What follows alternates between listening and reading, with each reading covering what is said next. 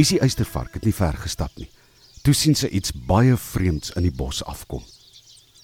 Dit was nog vreemde spore. Dit het gelyk soos twee slange, twee groot slange wat daar op die grond langs mekaar geseil het. Sy was skielik baie benoud en het gewonder hoe groot die slange moes wees wat sulke groot spore op die grond maak. Sy stap 'n entjie verder en toe sien sy dit. Dit is nie slange nie. Dit is 'n motorkar en die spore wat lyk soos twee slange is die motorkar se spore wat die wiele maak. Isie volg die spore. Sy was baie bang want sy het nie geweet waarop sy gaan afkom nie. Sy sluip al met die vlak bossies langs tot by die kar. En dan sien sy dit. Die wilddiewe het 'n klein tentjie opgeslaan, so tussen die rotse. Niemand sal hulle ooit daar kan kry nie. Nou weet sy, moet sy vinnige plan maak. Sy draai net daar na spore om en begin vinnig terugdraf na boer se plaas toe. Toe sy op die plaaswerf aankom, is wagter nêrens nie. Sy staan vir 'n paar oomblikke uitasem en dink en dink en dink. Hoe gaan sy nou maak? En toe kry Isie 'n plan. Sy draf weer vinnig na die plek toe waar sy die tent gesien het. Alles is stil en rustig by die tent.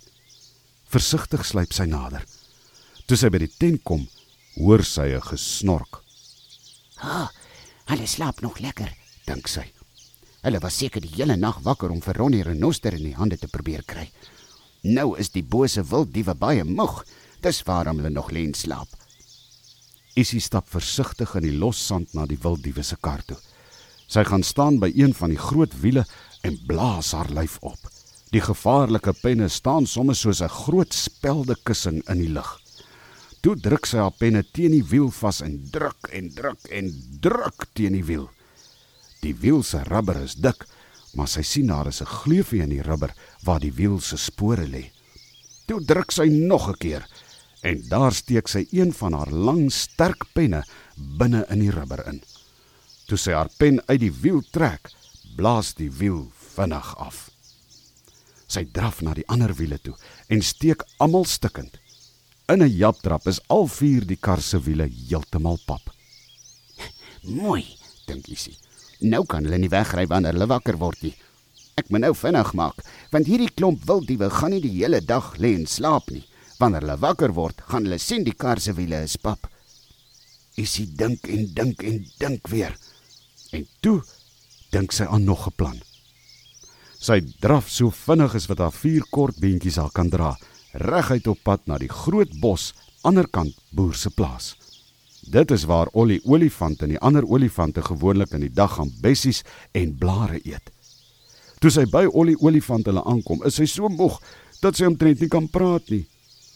"My aarde, Isie," sê Ollie toe hy haar sien aankom. "Hoe is jy dan so uit asem?"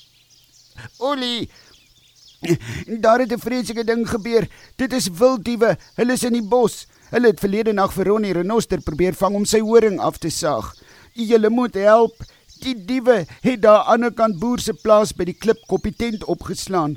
En ek het hulle kar se vier wiele met my skerp penne stukkend gesteek sodat hulle nie kan wegry nie. Hulle slaap nog in die tent want hulle die hele nag agter Ronnie aangehardloop. En Ronnie?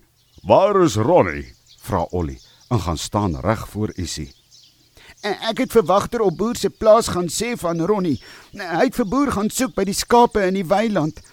Hy sal vir boer na Ronnie toe neem, sê Isie. Goeie werk, Isie, sê Ollie. Kom, kerels, sê Ollie en roep die ander olifante. Ons moet wikkel. Hier kom groot pret.